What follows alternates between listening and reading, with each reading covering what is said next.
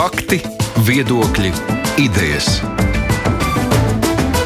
Raidījums Kruspunkta ar izpratni par būtisko. Aizsmeļamies Tomsona studijā. Pēdējo dienu dramatiskie notikumi, diemžēl, piepilda tās pesimistiskās prognozes par Krievijas agresiju pret Ukrainu.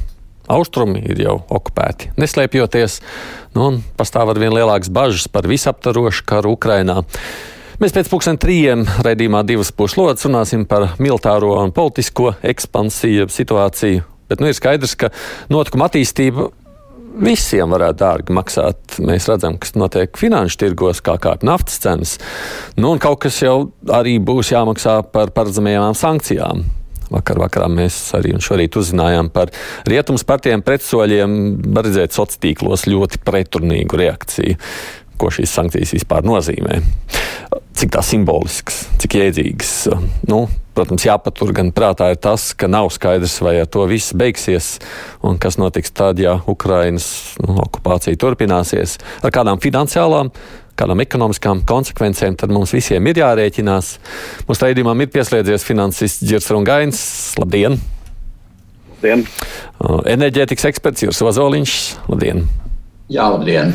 Ekonomists Latvijas Universitātes profesors Gunārs Bērziņš. Labdien! Labdien. Un Eiropas kustības Latvijā prezidents Ruzvelts, Ukraiņas atbalstošs Krekliņš, Andris Gobiņš. Sveicināti! Labdien no Eiropas epicentra, tepat Briselē, mm. Eiropas parlamentā. No Briseles. Konkrētais jautājums vispirms uzreiz par esošo tie lielo vadītāju, lielo valstu sankciju lēmumu mums ir zināmi. Tā jūsu reakcija lasot par tiem, kāda tiem vispār varētu būt ietekme ģirta?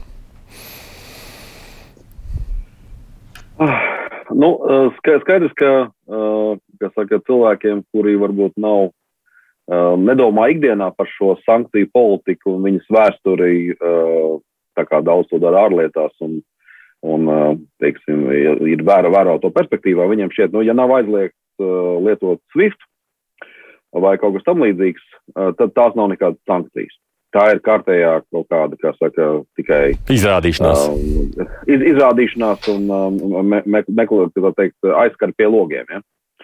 uh, bet uh, es domāju, ka, uh, protams, no vienas puses ir tā, ka pret tādu lielu un, un teorētiski pašpietiekamu valsti kā Krievija ir, protams, ļoti grūti piemeklēt uh, sankcijas un, un uh, nu, tev ir svarīgi tomēr tās sankcijas izmantot, lai rādītu virzienu ja tu uzreiz izmanto visu aptveri, tev faktiski nekas nepaliek un notiek tāda strauja eskalācija. Jo mērķis jau tomēr ir uh, darīt to samērīgi, lēnām un uh, paturēt iespēju manevram un, un tā tālāk. Ja? Un es domāju, ka ir skaidrs, ka šobrīd vismaz iezīmējās tāda nopietna apņemšanās iet uh, arī tālāk, nepieciešamības gadījumā, uz sāpīgākām sankcijām. Um, protams, SWIFT uh, atslēgšanu uh, ir, ir, ir figurējis daudz kur kā ļoti būtisks elements, bet man šķiet, ka uh, atgriezties pie sankcijām, kāds tās bija padomu perioda beigās, ka ir aizliegums iegādāties rietumu tehnoloģijas, un, un kurš tiek rūpīgi ievērots, un kurš bija spēkā ļoti ilgu laiku, gandrīz, manuprāt, 20 gadus. Uh, faktiski arī vēl pēc tam, kad Krievija padomu savienība jau bija sabrukusi. Ja? Ka šobrīd mēs esam virzienā uz turieni kas ir svarīgi, ir tas, ka uh, Krievija ar savu rīcību ir atmodinājusi rietumus no šīs te uh, padomjas Savienības sabrukšanas eiforijas un iet uz priekšu. Tā kā mans vērtējums ir šis, uh, tas sits tur, kur ir sāpīgi, pa naudu, pa bankām, pa konkrētajiem uh, Putina naudas maciņiem un uh, melnās kases turētājiem. Uh, tas palielina diskomfortu elitē. Nedomāju, ka viņi daudz ko var darīt. Kā mēs to varējām redzēt, vērot, vērojot to publisko uh, sēdiem. Uh, bet, uh, bet, uh, un kustība ir pareizā virzienā, un viņa ies uz priekšu, ja ies uz priekšu eskalācija. Bet, ja runājam par to, kas šodien ir izskanējis, nu, tur ir dažas bankas, tur ir daži cilvēki pieminēti, tur ir valsts parāds pieminēts. Nu, vienkārši tu kā cilvēks, kas saprot naudas lietas, palīdz mums saprast, ko tas nozīmē. Ne, nu jau šobrīd eh, tā, kas, teiksim, šī ierobežojuma attiecībā uz obligācijām ir atstājuši jūtamu ies, iespaidu obligāciju tirgu. Ir skaidrs, ka Krievijas un Krievijas struktūra, no to saistīto struktūru iespēja aizņemties, veikt darbības un, un, un tā teikt, darboties starptautiskos tirgos, viņa tiek tālāk samazināta. Krievijas pievilcība kā investīcija vietēji, kā spekulācija vietēji tiek tālāk sam samazināta, un tie, kuri skaidri iezīmējušies šajā procesā, uh, maksā, par, maksā ar to ar uh, savu uh, naudu un iespējām nodarboties ar biznesu un tā tālāk. Un, prot, protams, nu, var vērtēt, cik tas ir sāpīgi, bet tas konkrēti ir jūtams. Bērziņkungs, jūsu vērtējums esošai situācijai? Jā, mans vērtējums ir tāds, ka uh, faktiski šīs varētu uzskatīt par brīdinājumu sankcijām. Uh, un tādā, tādā veidā, kā viņas vērstas uz individiem un uz atsevišķām institūcijām, kuras ir cieši saistītas ar faktiski valdošo režīmu. Rezultātā Mēs nevaram teikt, ka šīs ir sankcijas, kas vērstas, kuras varētu būt pret, pret tiešām tehnoloģiskām nozarēm, pret pilnu finanšu sistēmu vai pret ekonomiku kā tādu, kur izjutīs katrs iedzīvotājs. Tāpēc es vairāk skatītos, ka ir, tas mērķis ir atturēšana, kā jau uh, Dirks teica, atturēšana no tālākas, uh, nepārdomātas rīcības. Nezinu, vai tas to dos, bet, bet izskatās, ka tas ir mērķis, jo skar individus, un atsevišķus uzņēmumus. Tas nav tādas sankcijas, kā bija gaidījuši. Tas arī, tas arī ir vērojams, ja mēs paskatāmies šodienas valūtas, tie, nu, teiksim, ekonomikas, um, faktiski biržu nākotnes indeksus, tad tās viņas nekrīt vairāk. Viņi paskatījās uz šīm sankcijām, saprata, ka tūlītāks krahs nebūs. Nu, jā, tiklīdz bija Baidena runa, mēs redzējām arī Krievijas tirgos kāpiens zaļais uzreiz uz augšu. Sakot, ah, oh, nav slikti. Tāpēc, ka tur, ko jau, ko jau arī Girts pieminēja, tad tehnoloģija joma un tas sāpīgākais, kas varētu būt un kas visvairāk ietekmētu faktiski katru iedzīvotāju. Un arī visu Krievijas ekonomiku, ja pievērstos tam savām otrā līmeņa sankcijām. Tas nozīmē to, ka nevis aizliedz tikai tirzniecību ar konkrētiem produktiem, nu, piemēram, tehnoloģiju produktiem, mikroprocesoriem, kas nepieciešami faktiski katrā ierīcē, kuru ražo Krievijā, bet uz intelektuālo īpašumu. Un tas ir vēl, tas ir, tas ir šobrīd tajā sankciju paketē, ir iespēja, ka tiks aizliegts izmantot jebkuru amerikāņiem piederošu intelektuālo īpašumu. Ko tas nozīmē? Tas nozīmē, pat ja tu pats ražo mikroshēmu, bet, izmā, bet tur ir patentētas, pat viss ir nopatentēts, patentē, patenti aizsargā faktu ražošanas procesu un ražošanas iekārtas. Faktiski tādā veidā, ja šo atrisināt no šo šādā veidā mēs aizējām. Arī tās rūpnīcas, kas ražo, piemēram, leduskapis Krievijā, arī tās pat nevarēs strādāt. Šobrīd nevar būt leduskapis bez mikroprocesoru. Ko es to gribu teikt? Es te gribu teikt to, ka uh, tur ir vesela rinda ļoti daudz būtiskāku sankciju šajā paketē. Tāpēc arī mēģinu, ko es mēģinu pateikt, šis ir brīdinājums, ka būs sliktāk. Tikai nedariet to, ko jūs izdomājuši izdarīt. Mm -hmm. Tas ir mans vērtējums.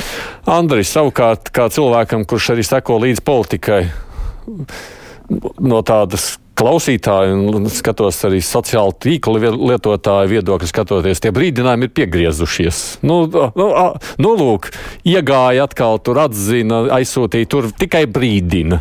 Nav tā, ka šīs sankcijas raisa vilšanos.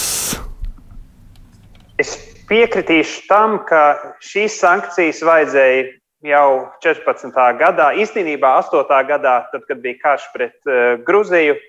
Jo, uh, ja būtu bijušas šīs sankcijas, skaidrākas, mērķiecīgākas, efektīvākas sankcijas jau to brīdi, uh, sankcijas jau ner, ne, nerisina tūlītējās problēmas tikai vien. Tās arī ir mācība nākotnē, neturpināt, nemēģināt atkārtot un tā tālāk ja mēs kā Eiropa, kā NATO valstis, kā brīvās demokrātiskās valstis būtu saulēcīgāk ar šīm sankcijām uh, operējuši, tad iespējams šodien šādas problēmas būtu mazākas, varbūt pat nebūtu vispārīgi, tā kopējā situācija būtu atšķirīga. Un tādējādi, man liekas, viss, ko mēs runājam par sankcijām, ir svarīgi paturēt prātā, ka saulaicīga rīcība var ietaupīt ļoti lielas tālākais izmaksas eh, nākotnē, saulaicīga, skaidra un strikta uh, rīcība. Tādējādi sankcijas noteikti ir labas. Labi ir, ka varēja nokoordinēties un šīs eh, pirmos, šos pirmos soļus spērt, bet, uh, diemžēl, šobrīd izskatās pēc tā, ka vajadzēs vairāk un jaunus un iekļaut arī vēl citas jomas, kuras, kuras mēs šobrīd vēl neesam skāruši. Visa uh, Russia Today, visa šī mēdīju uh, un um, arī sociālo mēdīju vide, kur ir jāskatās, varbūt tās tur ir kaut kas jādara, lai mazinātu Krievijas šo uh, viltu ziņu un, un melu izplatību. Uh, demokrātisko valstu uh, sabrucināšanai un pamatu graušanai. Tātad viss šis informatīvais bloks vēl droši vien ir apskatāms. Viss tas, kas ir saistīts ar Nord Streamiem, īstenībā abi divi Nord Stream jau ir problēma, jo ja nebūtu Nord Stream, tad diez vai arī tad Putins tik milzīgi drosmīgi pret uh, Ukrainu un pret Baltkrieviju vērstos. Tādējādi arī uh, šī, šis, teiksim, viss Nord Stream abi divi jautājums.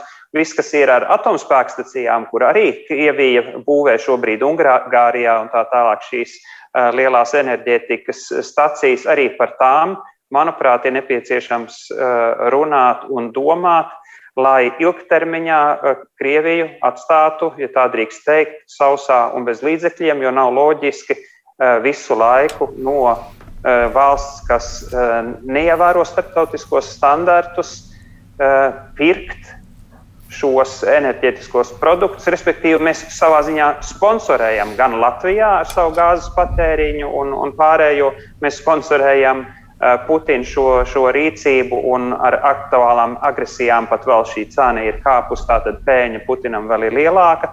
Un tāpat dara arī citas uh, valstis. Šis ir jāizbeidz, jākļūst neatkarīgākiem. No, es par nākotni vēl tūlīt prasīšu, tikai sakot, nu, piekrīt līdzīgi kā iepriekšējie divi, sakot, nu, šis šobrīd ir tikai tāds brīdinājums, jeb arī nu, brīdinājums sankcijas. Jā, Tieši tā, tā un īstenībā būtu prasījies vairāk un spēcīgāk, bet eh, nu, gan jau vēl sekos. Gan vēl sekos. Ozoliņkungs, nu, savukārt sākumā vispirms iztulkojiet, ko nozīmē šī Nord Stream 2 certifikācijas procesa apturēšana, jo tas man liekas vakar tāda pirmā ziņa, kas uh, daudz tika pieminēta? Ņemot vērā, ka Nord Stream 2 tēma, un kā mēs dzirdējām no Andra, arī Nord Stream 1 tēma ir politizēta līdz nu, hiperbolizēta.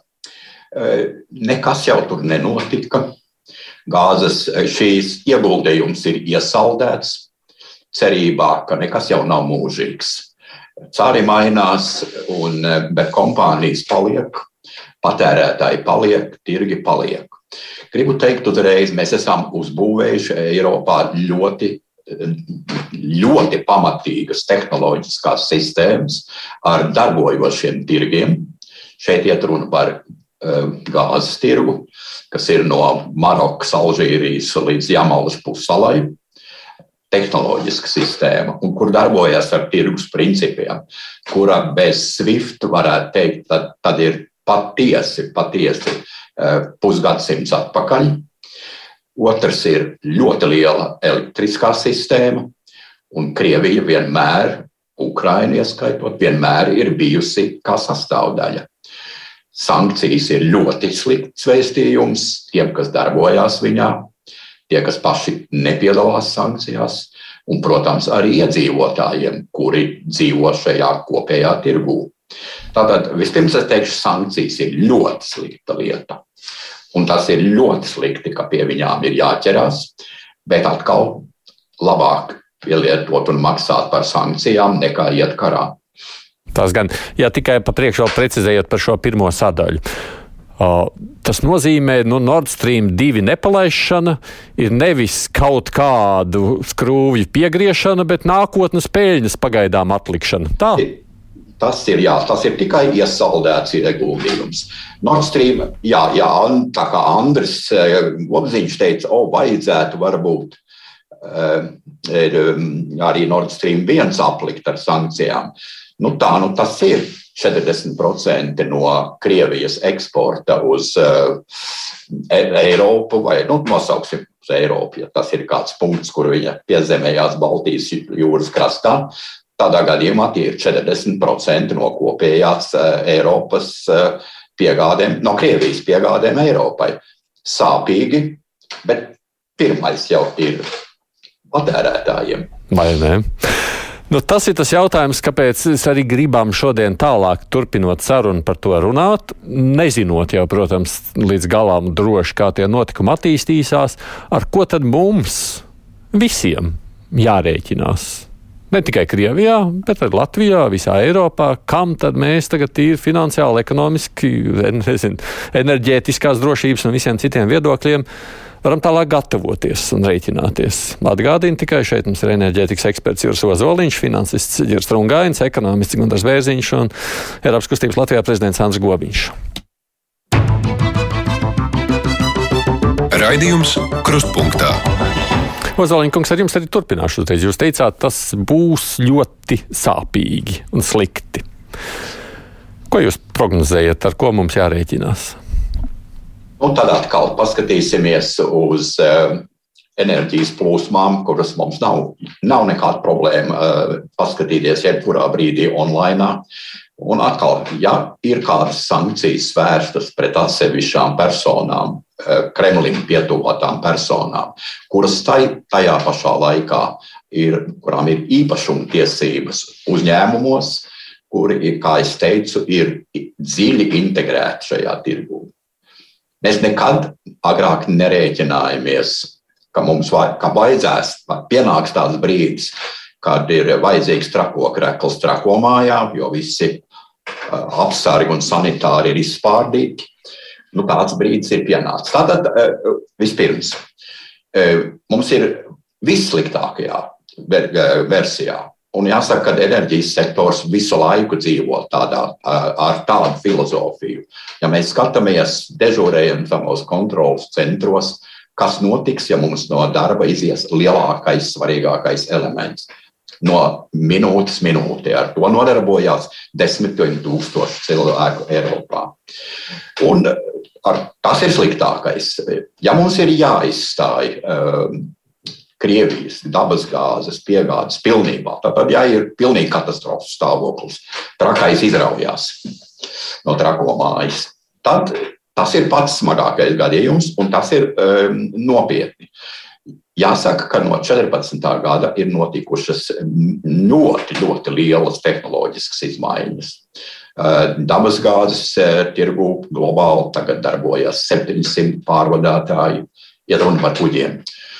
Baltijas jūrā mums ir divi, taldo, eh, divi oh, atvainojiet, mums ir trīs termināli. Mums ir Polijā, mums ir Lietuvā, un mums ir parādījies pilnīgi jauns Krievijas termināls netālu no Kaļiņgradas krastiem. Jau gatavs ar pielādēts ar sašķirināto gāzi, gatavs tātad kādam nepatīkam notikumam.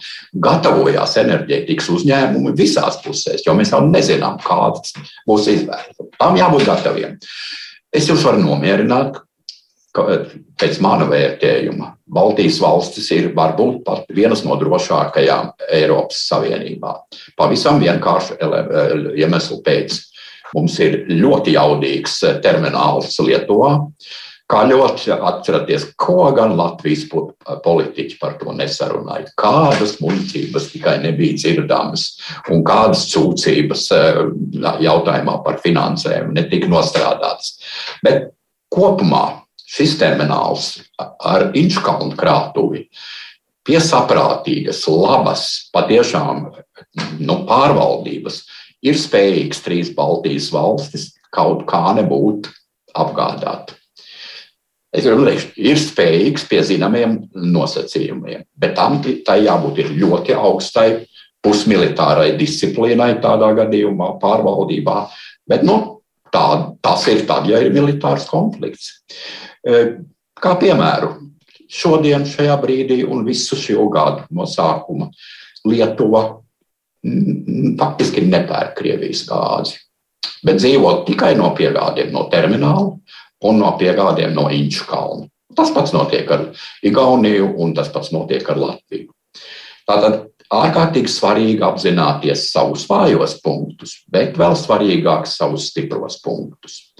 Un vēl vienas piebildīšu, šis varbūt būs patiešām iemesls padomāt, kas noticis ar atjaunojamās enerģijas attīstību Latvijā. Kādēļ tie cipari ir jau simtkārtīgi atšķirās no Lietuvas un Igaunijas skaitļiem. Tātad ir jāatbrīvo ceļš privātam kapitālam. Tur tā runāšana par došanos tālu jūrā vai mežā ar valsts uzņēmumiem nav slikti. Bet tas nav risinājums krīzes situācijā. Tas ir pēc daudziem gadiem. Šobrīd mēs, tas būtu interesanti, jā, kā ģērbs to vērtēs, bet privātā kapitāla darbība šādā krīzē, viņa atbrīvošana radīt visu apstākļu, lai tas būtu pievilcīgi nevis ar birokrātiskiem eh, šķēršļiem apkrauts. Domāju, ka tas būtu viens no strateģiskiem uzdevumiem. Tad būtu tūlīt un tagad. Tā tad vissliktākajā pat gadījumā izdzīvot varam. Tāds ir tas jūsu vēstījums. Jā, e, e, par, e, par elektrību ir vēl labāka tā situācija, bet par gāzi mēs varam izdzīvot arī pašlaik. Lietuvas galvenais eh, termināla galvenais piegādātājs ir no Savienotām valstīm. Jo netirgojās valsts, tirgojās tirgotāji. Tikai vēl pēdējā piebilde, pirms es tālāk dodos pie ģirta. Uh, ko tas maksātu cenas ziņā šādā situācijā? Jūs ir kaut kādas aplēses iespējams veikt? Nespekulēsim, tas maksās dārgāk. Un tas arī ir viss. Bet atkal, ja nav citas izvēles, tad jāmaksā tik, cik tas maksā. Ta, tas ir krīžu vadības ir galvenais princips. Vienalga, lai, kas, lai ko tas arī nemaksātu, nu, atcerēsimies eh, drāgī teicienu par eiro glābšanu. Tā tas ir. Nu, šeit... lai, lai ko tas arī nemaksātu, ne? Jā. eiro ir jāsaglabā. Pa priekšu tomēr pie ģirta vēršoties un izējot atkal par šo tematu ja skatoties no tā skatu punkta, ar ko, no ar, kā, ar ko mums jārēķinās, ja situācija paliek no tajā sliktajā virzienā? Nu, cenu ziņā es nemēģināšu nekādā veidā izlikties. Tas vispār to nav iespējams droši vien prognozēt. Un katrā ziņā enerģijas cenām es, es saka, nediskutētu ar, ar, ar uzvanu kompetenci nekādā veidā, bet uh, skaidrs ir tas, ka būs uh, dārgāk. Jo, jo protams, eh, ir jāsaprot, ka eh, tā ir mūsu paša nolaidība un, un mērķiecīga šo te Gazproma un, un viņu, kā saka, un Krievijas čekistu līdzdalībnieku Latvijā eh, sadarbība. Ja? Kāpēc mums nav izdevies realizēt, piemēram, terminālu, kāpēc neizdevās realizēt? Ja? Jo savā laikā tie paši Leiši un Igauni vienkārši pateica, jums šo lietu šeit vada un nosaka Latvijas gāzi un viņas ietekmi, Krievijas ietekmes aģenti, un mēs nekad neiesim teiksim, pakļaut šīm interesēm un iet, iet kopā. Un rezultātā ir tas, ko mēs esam ieguvuši, lai šī realizēja, varbūt kaut kādā brīdī pārmaksājot, bet šobrīd viņi ir salīdzinoši labākā situācijā. Mums termināla nav. Es piekrītu tam, ka, protams, arī atkārt, atjaunojama enerģijā mēs iepaliekam, un šobrīd ir tas moments, kad vajadzētu atbrīvot šo te tiešām privātā sektora iniciatīvu, um, daudzi lieli Latvijas patērētāji, kuriem šobrīd ir sarežģīta situācija, runā par to, ka skatās uz Lietuvu un Igauniju, kur liela uzņēmuma attīstot projektu, uzreiz attīst arī kaut kādu vēja parku vai kā savādāk, kaut kādā enerģijas iegūmu. Uh, un uh, tas. Šobrīd, šodien ir paziņojums par to, ka Latvijas valsts meža kopā ar, ar uh, Latvijas energos sekos uh, tam, ko sen ir izdarījuši Igaunija, un taisīs savu, acīm redzot, kaut kādu uh, uh, Latvijas energo green vai uh, tam līdzīgu anal analogu arī finansēt, viņi mēģinās tirgos un tā. Ja. Tas ir solis pareizā virzienā, jo šobrīd pie tās likumdošanas, kāda viņi ir mums izveidota, jau Latvijas valsts meža faktiski reāli ir reālākā vieta, kur var attīstīt uh, vēja parkus. Ja.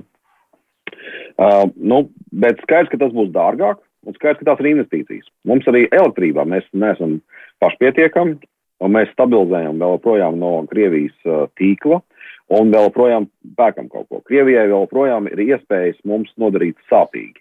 Un aiziešana no šīs atkarības maksās naudu investīcijās, un nu, tā būs nauda, kas tiks pārvirzīta no kaut kādām citām vajadzībām. Un, uh, lai to izkompensētu, un kopumā mums nāksies maksāt droši vien dārgāk, tā kā nāksies, nāksies maksāt dārgāk kopumā Eiropai. Bet, bet jāsaka, ka, ka visa pasaule, ņemot vērā šīs globālās tendences, uh, nu, enerģija ir bijusi nepamatot lēti, lēta pēdējos piecus vai vairāk gadus. Un nākot uz priekšu šo ģeopolitisko un citu apsvērumu dēļ kaut kādu periodu viņa var būt nepamatot dārga, bet viņa nekad vairs nebūs tik lēta. Tāpēc, ka tā bilants mainās. Tāpēc, ka nepie, mums ir nepieciešams uh, ražot enerģiju savādāk nekā iepriekš, fosilo patēriņš. Kaut kā viņš turpina pasaulē pieaugt un uh, vēl būs realitātē nākamos 30, 50 gadus neizbēgami lielāka pasaule un lielākā daļa patēriņa joprojām turās uz fosilā. Un skaidrs, ka ne vējš, ne saule nav risinājums ilgtermiņā. Ja? Tur ir jābūt uh, atomenerģijas kom komponentei un citiem risinājumiem, tā tālāk un tā joprojām. Bet, bet īstermiņā uh, Latvija es piekrītu tam, ka mums ir salīdzinoši laba situācija, pateicoties Inčukalnam, pateicoties li, li, Lietuvas ter, terminālam. Bet, protams, mēs jau šobrīd redzam, cilvēkiem un iedzīvotājiem tas izņems naudu no maciņiem un nevairos viņu prieku un priekšvēlēšana situācijā un tā tālāk. Un, un, nu, cilvēkiem būs jāiet uz upuriem, nevis atdodot dzīvību kara laukā, pagaidām pret agresoru, cerams, ka arī nākotnē, bet maksājot par patiesu neatkarību. Ja runājot tikai par investīcijām un laiku, nu, cik ātri vispār kaut ko tādu var realizēt, nu, te, um, valsts būvēs mežos, jā, kā jūs teicāt, Latvijas energo grīna vai kas tam līdzīgs, bet ja runājam par privāto, nu, cik, mm, nu, karš jau notiek šobrīd, sankcijas būs to līt, ja būs, vai ne? Tas jau ir tikai stāsts par ilgtermiņu, nevis par tūlītēji. Nu, ne, nu, es nezinu, vai, vai ir iespējams teiksim, ja no, nogriež piegādi no Krievijas Inču kalnam, vai ir iespējams caur Lietuvu piepildīt efektīvi Inču kalnu glabātuvu nākamajai ziemai visai Baltijai un cik tas varētu maksāt. Nu, ievērojami dārgāk nekā droši vien šobrīd tas ir. Cik dārgāk? Vienu reizi, divas reizes, trīs, es nezinu. Mhm. Uh, bet, bet, uh, un, un, un tad vēl jautājums. Bet, uh, un tāpat ar elektrību. Nu, bet, bet faktiski ļoti daudz ko var izdarīt viena, divu, trīs gadu laikā. Ļoti daudz ko var izdarīt diezgan ātri, ja to grib darīt. Okay. Nē, Nozaļņa kungs jau sacīja ar tādu zināmu militāru disciplīnu, bet kaut ko tik daudz piepildīt, lai nodrošinātu, ja tās uh, vajadzības trim valstīm mēs varētu. Uh, pa priekšu, Andri, uh, tā jau nav tikai Latvijas problēma Lietuvas, Igaunijas. Tā būs visu. Tā būs Vācijas problēma lielā mērā, vai ne? Tā būs visas Eiropas problēma tādā gadījumā. Nu, Eiropa taču to risinātu kopā. Vai es esmu naivs tā to sakot? Es ļoti ceru. Tas, ko nu, lielākais Eiropas spēlētājs Vācija Un es vēl spilgti atceros Merkeles izteicienus pirms diviem gadiem, cik Nord Stream 2 ir, divi ir ļoti nepolitisks un ka Krievija nekad nesot izmantojusi gāzi kā ieroci, nu, respektīvi enerģētiku kā ieroci. E, labi zinot, ka tas visu laiku ir noticis, un mēs Latvijā jau pat neatkarību veidojot, esam vairāk kārtīgi šo ieroču spēku izbaudījuši.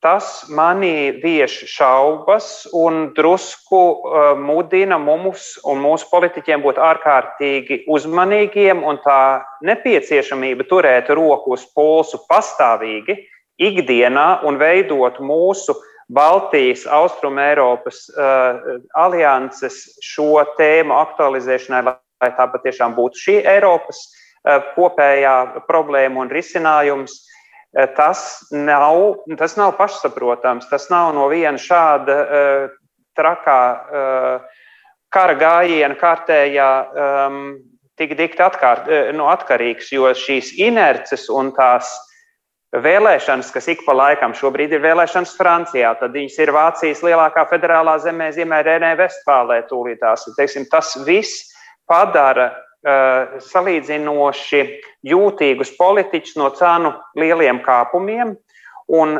saprot, saprotami izstāstīt to, ka šodien samaksāsim mazliet vairāk, bet ilgtermiņā tas nozīmē, ka jūs būsiet ieguvēji, ka jūs maksāsiet mazāk.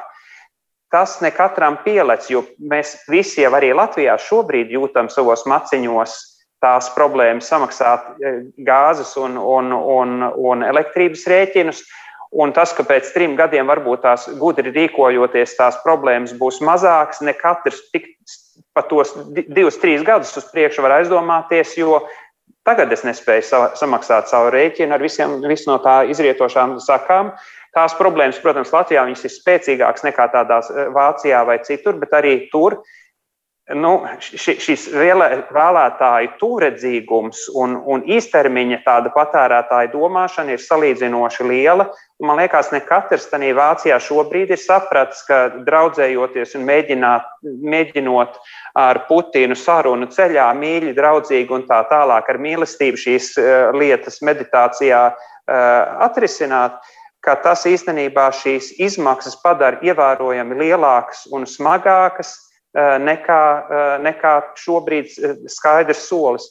Lai nepaturētu mūs tādā pilnīgā bezcerībā, man liekas, ka īstenībā mācība, kuru mēs varam šobrīd spērt, lai un kur varbūt būtu tas virziens, ko valdība varētu darīt. Jo no vienas puses mēs varam padarīt sevi enerģētiski neatkarīgāku, būvējot vēja parkus un, un līdzīgas sistēmas, izmantojot. Bet no otras puses, man liekas, to, ko jau mēs šobrīd katrs savā mājasemniecībā darām, ka mēs elektrību izslēdzam bišķītiņā ātrāk nekā iepriekš un neatstājam televīzijas standby modusā visu nakti, bet izvalkam no, no liksteņas šo, šo, šo elektrības vadu, zinot to, ka arī šī, šī, šādā veidā mēs varam taupīt elektrību un to pašu vajadzētu darīt, teiksim, ar māju siltināšanu.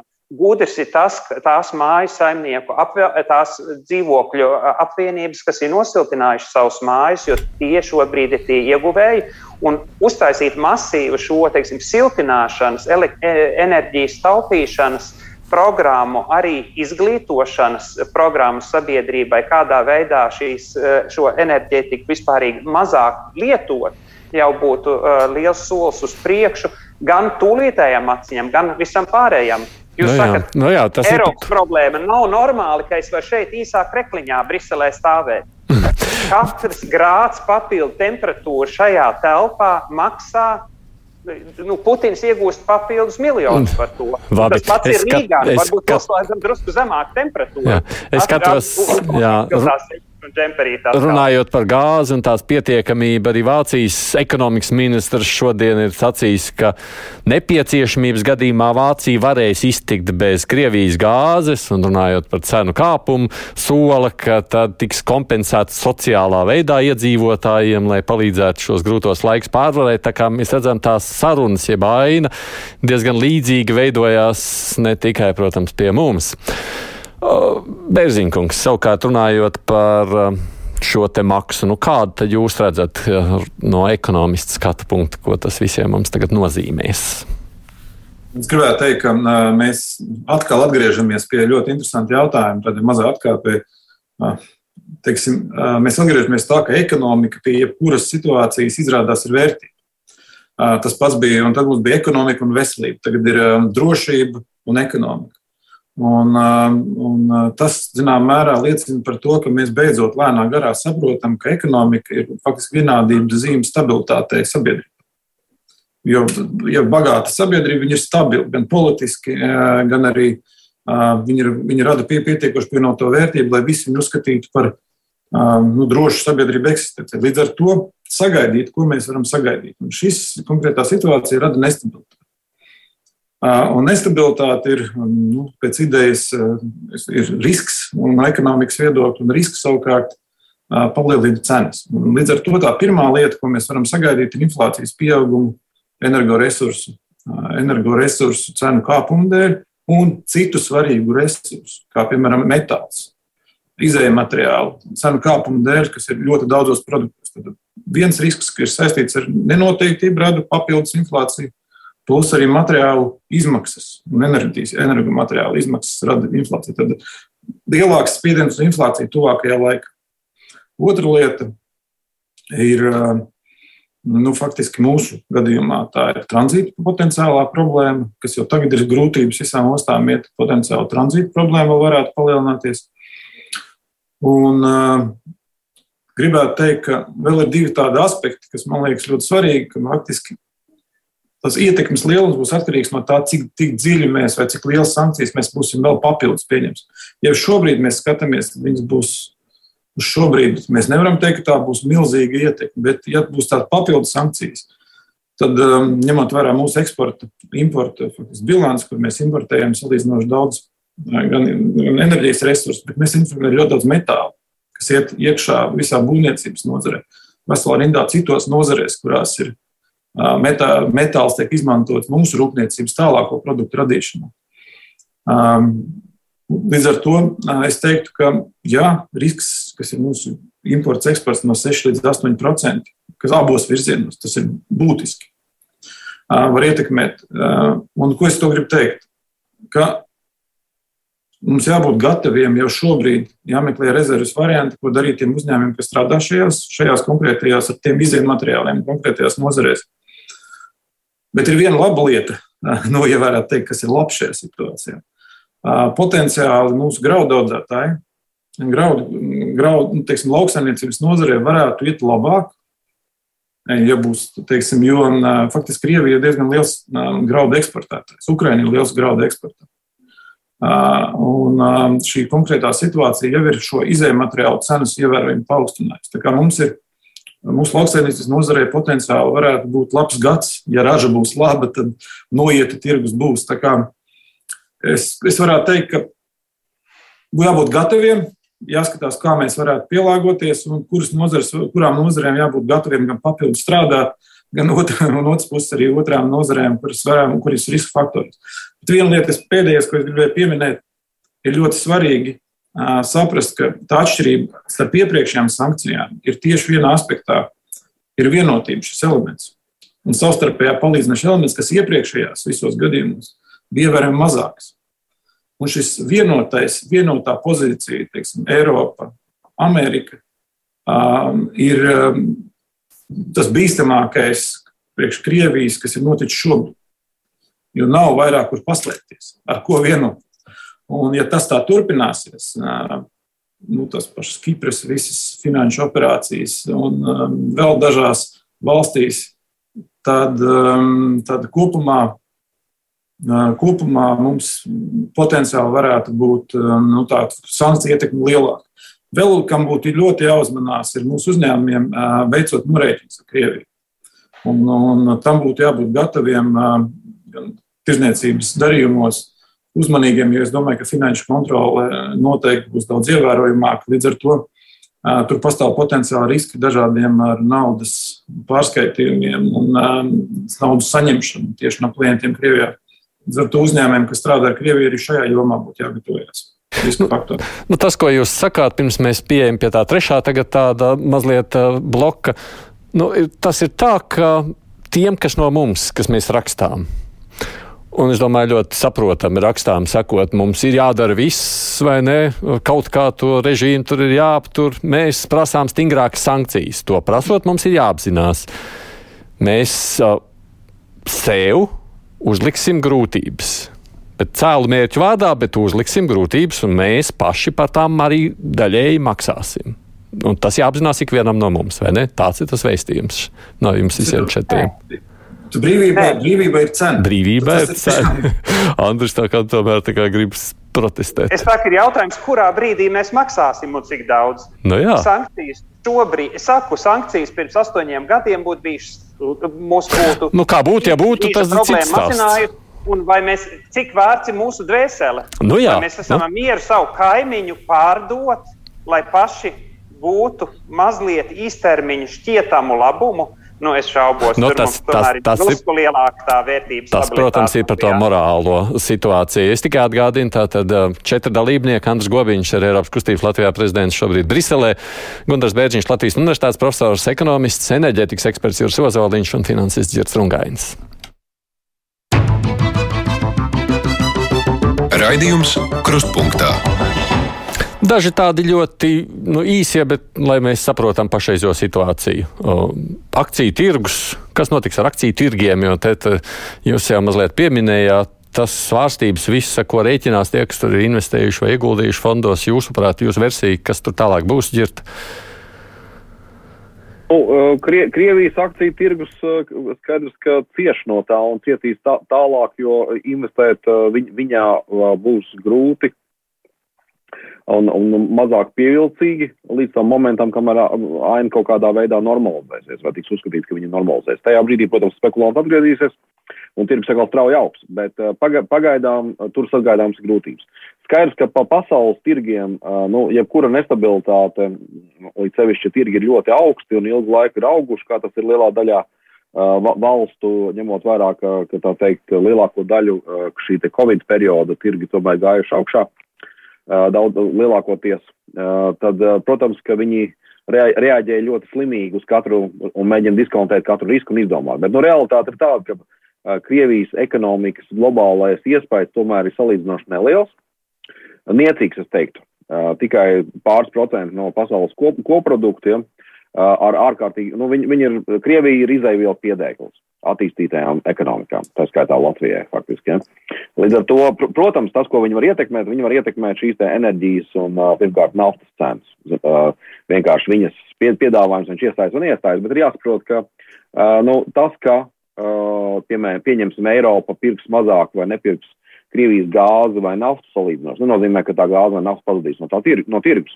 Tas principā nozīmēs lielāks izdevums uh, uh, Eiropai pērkot kaut kā savādāk no kaut kurienes citurienes. Uh, mazāk izdevīgi, tāpēc, ka tālāk transports vai kādas citas, teiksim, papildus izmaksas, bet arī Krievijai jau nav alternatīvas. Viņai arī ir jāpārdod, un viņi pārdos. Viņi vienkārši pārdos lētāk. Mēs zinām, ka uh, faktiski Ķīnai viņi pārdod uh, savu naftu un gāzi zem pašizmaksas. Ja? Tāpēc, ka nevar piegādāt. Viņai nav iespēja pagriezt šo gāzi un naftu. Tā kā rezultātā, protams, visi uh, zaudēs, bet, uh, nevar, bet tas nu, reālais iespējas. Protams, uh, nu, ja mēs skatāmies tā, ok, Krievija, uh, ASV pretīm stāvēšana potenciāls kodolkaram. Nu, tas, protams, nevienu nepriecē un ir pasaules gals, ja? un, un tādas pasaules, kā mēs viņu zinām. Bet, uh, nu, tomēr, nu, es domāju, ka tie pašnāvnieciskie instinkti tur tomēr nav tik lieli. Putins cīnās par savu izdzīvošanu, par savu finansiālo, par savu fizisko izdzīvošanu, par iespēju, um, teikt, nodot varu un palikt dzīvam, uh, un uh, nodot varu un naudu saviem bērniem un radiem un draugiem un saglabāt to kliķi pie varas un, un tā tālāk. Tas par to ir tas dialogs īstenībā. Ja? Mm -hmm. Bet, uh, un, un, tā, tā kā es, es neuzskatu, ka, ka tas, tā ietekme tirgos ir kaut kādā veidā apakaliptiska. No, ne, ne, ne, dramatiskiem notikumiem nevajadzētu būt priekšā. Tirgos tieši, es domāju, runāju par akciju tirgiem. Ne, nu, ASV, nu, ASV kād... tirgus kā tāds ir ārkārtīgi augsts šobrīd atrodas. Un, un ir daudz citu iemeslu un cilvēku, kas uzskata, ka stāv priekšā mega korekcija, piemēram. Ja? Es nezinu, vai viņi būs vai nebūs. Un, protams, ka tajā brīdī, ja viņi būtu, varētu teikt, ok, nu taču tad Krievija beidzot paklupināja, tā teikt, kā saka, Dāvids paklupināja Goliātu. Ja? Bet bet tam ir pilnīgi citi iemesli un nav saistība ar Krieviju. Krievija ir puteklis pasaules ekonomikā tomēr palielināt. Labi, es šeit negribu ļoti šo tēmu tālāk izvērst. Savukārt, runājot par naftas cenām, Ozoliņa kungs, jūsu versija, kas tālāk notiks, jo, protams, mēs lejam benzīnu arī savās autobākās.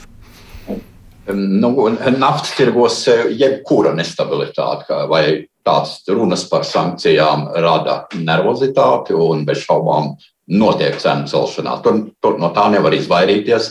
Ir eh, jāņem vērā tāds eh, jocīgs divkuprāņas kamielis kā OPEC. Tātad um, OPEC valsts tradicionālās, kas bija ar nolūku nožņaut Eiropas dažas valsts, tad, kad bija tā sauktais septiņu gadu karš atvainojiet, septiņu dienu karš.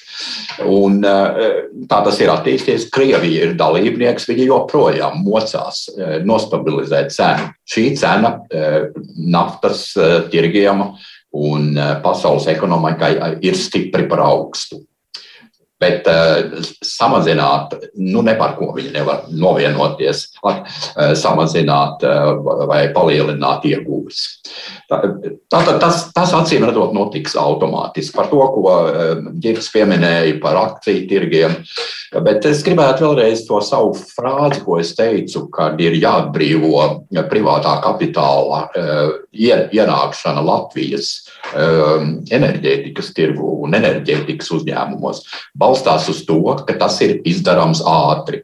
Tieši tādēļ, lai uzņēmumu akcijas būtu, kļūtu vērtīgas, tad, kad uzņēmumi paši ieguldīs savas enerģijas ražošanā. Tikai mazs piemērs. Igaunija četru gadu laikā saules enerģijas eh, ieguldījumu saules enerģijas ražošanā palielināja simts reizes. Simts, nevis desmit. Un eh, šodien tieši šajā brīdī es skatos uz operatīviem datiem. Nu, ja kāds tagad pārzina enerģijas vienības, 200 megawatu tiek ražots ar saules enerģiju. Nav pat saulainākā, bet padomājiet, 200 megawati. Tas ir uh, puse no mūsu lielajiem uh, teciem. Lielie teci nav strādājuši no 5. februāra nevienu minūti gāzes cenas dēļ un ļoti labā piedāvājuma no Skandināvijas. Mēs esam ļoti labvēlīgā e, vidē. Proti, mums ir pati tīrākā enerģija, ko mēs saņemam. Tā, tā ir Norpūle.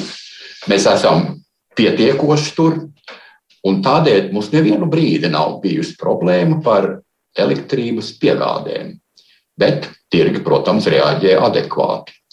Tātad tas man, ša, manuprāt, tas ir ļoti izšķirīgi lai visi stimuli tiktu palaisti un visas barjeras novākt Latvijas rūpniecības un lauksaimniecības uzņēmumiem. Būvējiet, kur vien jūs tikai varat savā teritorijā, savā īpašumā. Kā jau teicu, nu, var jau pamaldīties kādu laiku pa mežiem, un lai, lai viņiem veicās pēc mežos ar vēja parkiem. Bet daudz svarīgāk ir atrasties pašu pagalmā, kas ir iespējams. Tā jau veidā, veidojās šī jaunā ekonomika. Mm. Tā ir mazliet citi principi. Jā. Ir sasniedzams, es gribu teikt. Ir vēl viens jautājums, ko es savukārt Bērziņa kungam gribu jautāt. Nu, tas, ko rāda, protams, vēsture sankcijām piemērojas visi. Nu, mēs te šodien runājam par to, kā piemērot tos mēs, ja nu, situācija kļūtu gaužām slikta un mēģinās jau piemēroties tādā pašā veidā arī vispārēja Eiropa un arī Krievija. Cik tas. Uh, visas iespējamās nu, ražošanas aizliegšanas, jūsu pieminētais uzliknes, SWIFT noslēgšana, vispārējais. Cik ilgs termiņš ir nepieciešams, jūsuprāt, lai tam pielāgotos un dzīvot atkal labi? Ir nu, teiksim, statistika rāda, ka teiksim, biržas indeks pie, pielāgojās ģeopolitiskajām situācijām apmēram divu nedēļu laikā. Un pēc divu nedēļu laikā šie ģeopolitiskie riski jau ir izslēgti. Bet, Krievi, bet interesantākais, ka Krievija tam ir gatavojusies ievērojumu periodu. Uh, viņi ir, uh, Krievijai faktiski ir minimāls ārējais parāds. Krievijai ir, uh, nav budžeta deficīts, pēc būtības gandrīz nav budžeta deficīts. Viņai uzkrājums 630 miljardi uzkrājumi rezerves fondā. Pēdējos, man liekas, desmit gadu laikā viņi ir nepārtraukti pirkuši zelta rezerves. Faktiski viņi nav dolāros, bet zelta. 630 miljardi, kas visu laiku pieauguši. Faktiski tā ir skaidri redzams, ka bija notikusi nopietna gatavošanās. Tas pats pieminētais termināls Kaliningradā. Kāpēc Krievija, kur varēja piegādāt pa gāzes vadu uz Kaliningradu savu gāzi, uzbūvēja sašķelšanās gāzes terminālu Kaliningradā? Neuzbūvēja, neuzbūvēja terminālu. Bet, nu, viņiem uh, ir tas termināls. Tur. Bet, uh, bet ko, es, ko es to gribu teikt? Uh, milzīgs, eh, teiksim tā, viņiem ir rezerves. Šobrīd viņiem ir rezerves, lai uzturētu to kursu, eh, rubļu kursu daudz maz uzturētu. Tāpēc viņš arī tik ļoti nekrīt. Um, un Krievija noteikti, kā viņi pielāgosies, mēģinās atrast ceļus starp dažādiem organizācijām, kā tomēr nodrošināt piegādes faktiski savas industrijas uzturēšanai. Tā bija pēc iepriekšējās krīzes, pilnīgi skaidri redzams, caur visurienu nelielām firmām tika mēģināts tomēr nodrošināt izēvielu piegādes. Un, un tam ir jābūt gataviem. Es domāju, ka drošības organizācijas un bankas tam šobrīd ir daudz vairāk gatavi šādu veidu uh, no finanšu plūsmu kontrolē, kas būs ievērojami sarežģītāk. Um, Eiropa. Nu, tā, es, es domāju, ka tā būs tas galvenais, ka Krievija sagatavojasies, bet es domāju, ka viņi nebija paredzējuši šo vienotību, tik lielu vienotību tajā visā pretreakcijā. Savukārt no Eiropas puses šīs politisko risku mazināšanas politika, kas Latvijā, piemēram, nebija. Nu, mēs ļoti maz domājām, mēs domājam par finansiālo pusi, mēs nedomājam par politiskiem riskiem, šādiem ģeopolitiskiem riskiem, izņemot aizsardzību, bet ne enerģētikas jomā mēs par to nedomājam. Mēs tikko dzirdējām, ka, nu, kāds ir sekas.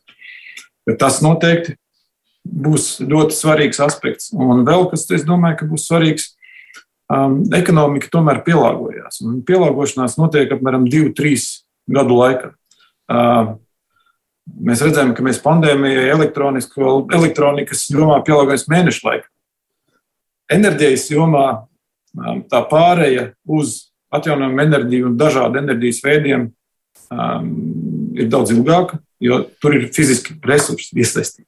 Un tas ir ilgāk. Bet, ja mēs tā godīgi paskatāmies, tad enerģijas, tradicionāli enerģijas veidos kopumā uzņēmumi investē ievērojami mazāk, tāpēc ka viņi jau sagaida, ka no šiem parastiem enerģijas veidiem mēs atteiksimies ilgtermiņā. Tas nozīmē, ka vienkārši pātrinājums alternatīvās enerģijas ražu, citu enerģijas veidu ienākšanai būs ievērojami lielāks. Un varbūt beidzot kāds mainīs ģirta pieminēto atomenerģijas politiku. No, jā. Man ir vēl tikai viena minūte, tāpēc es tomēr došu vārdu ģirtam pēdējām. Ar visiem tiem swiftiem, ar visām tām lietām, ko te piemin finanšu jomā, Krievijas ekonomika spēja pielāgoties, vai vispār Krievijas spēja pielāgoties tam visam, izlīst cauri un atrast citus ceļus, iespējami.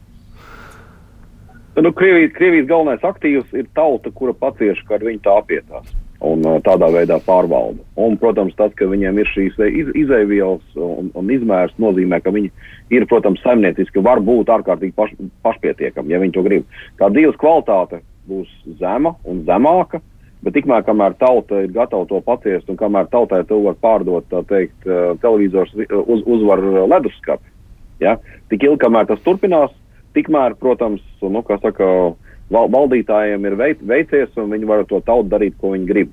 Tā, tā ir pielāgošanās tādā zemā enerģētiskā līmenī, zemā kvalitātes līmenī. Un var izteikt tikai līdzjūtību, un, protams, ilgtermiņa, kas saka, Krievu tautai un uh, pašai valstī ir izvēlēts ārkārtīgi neveiksmīgs attīstības scenārijs, bet tas ir tas, kas ir izdevīgi viņas valdi, valdniekiem šobrīd. Ja? Mm. Un, un nu, attie, attiecīgi, ko, ko mēs varam darīt? Mums ir jāspēj pielāgoties daudz augstākā līmenī, un mēs tiecamies uz daudz augstāku dzīves kvalitāti un līmeni. Un tas ir atkarīgs no savstarpējās sadarbības un no pilnīgi citiem principiem, kurus Krievija šobrīd pārkāpj.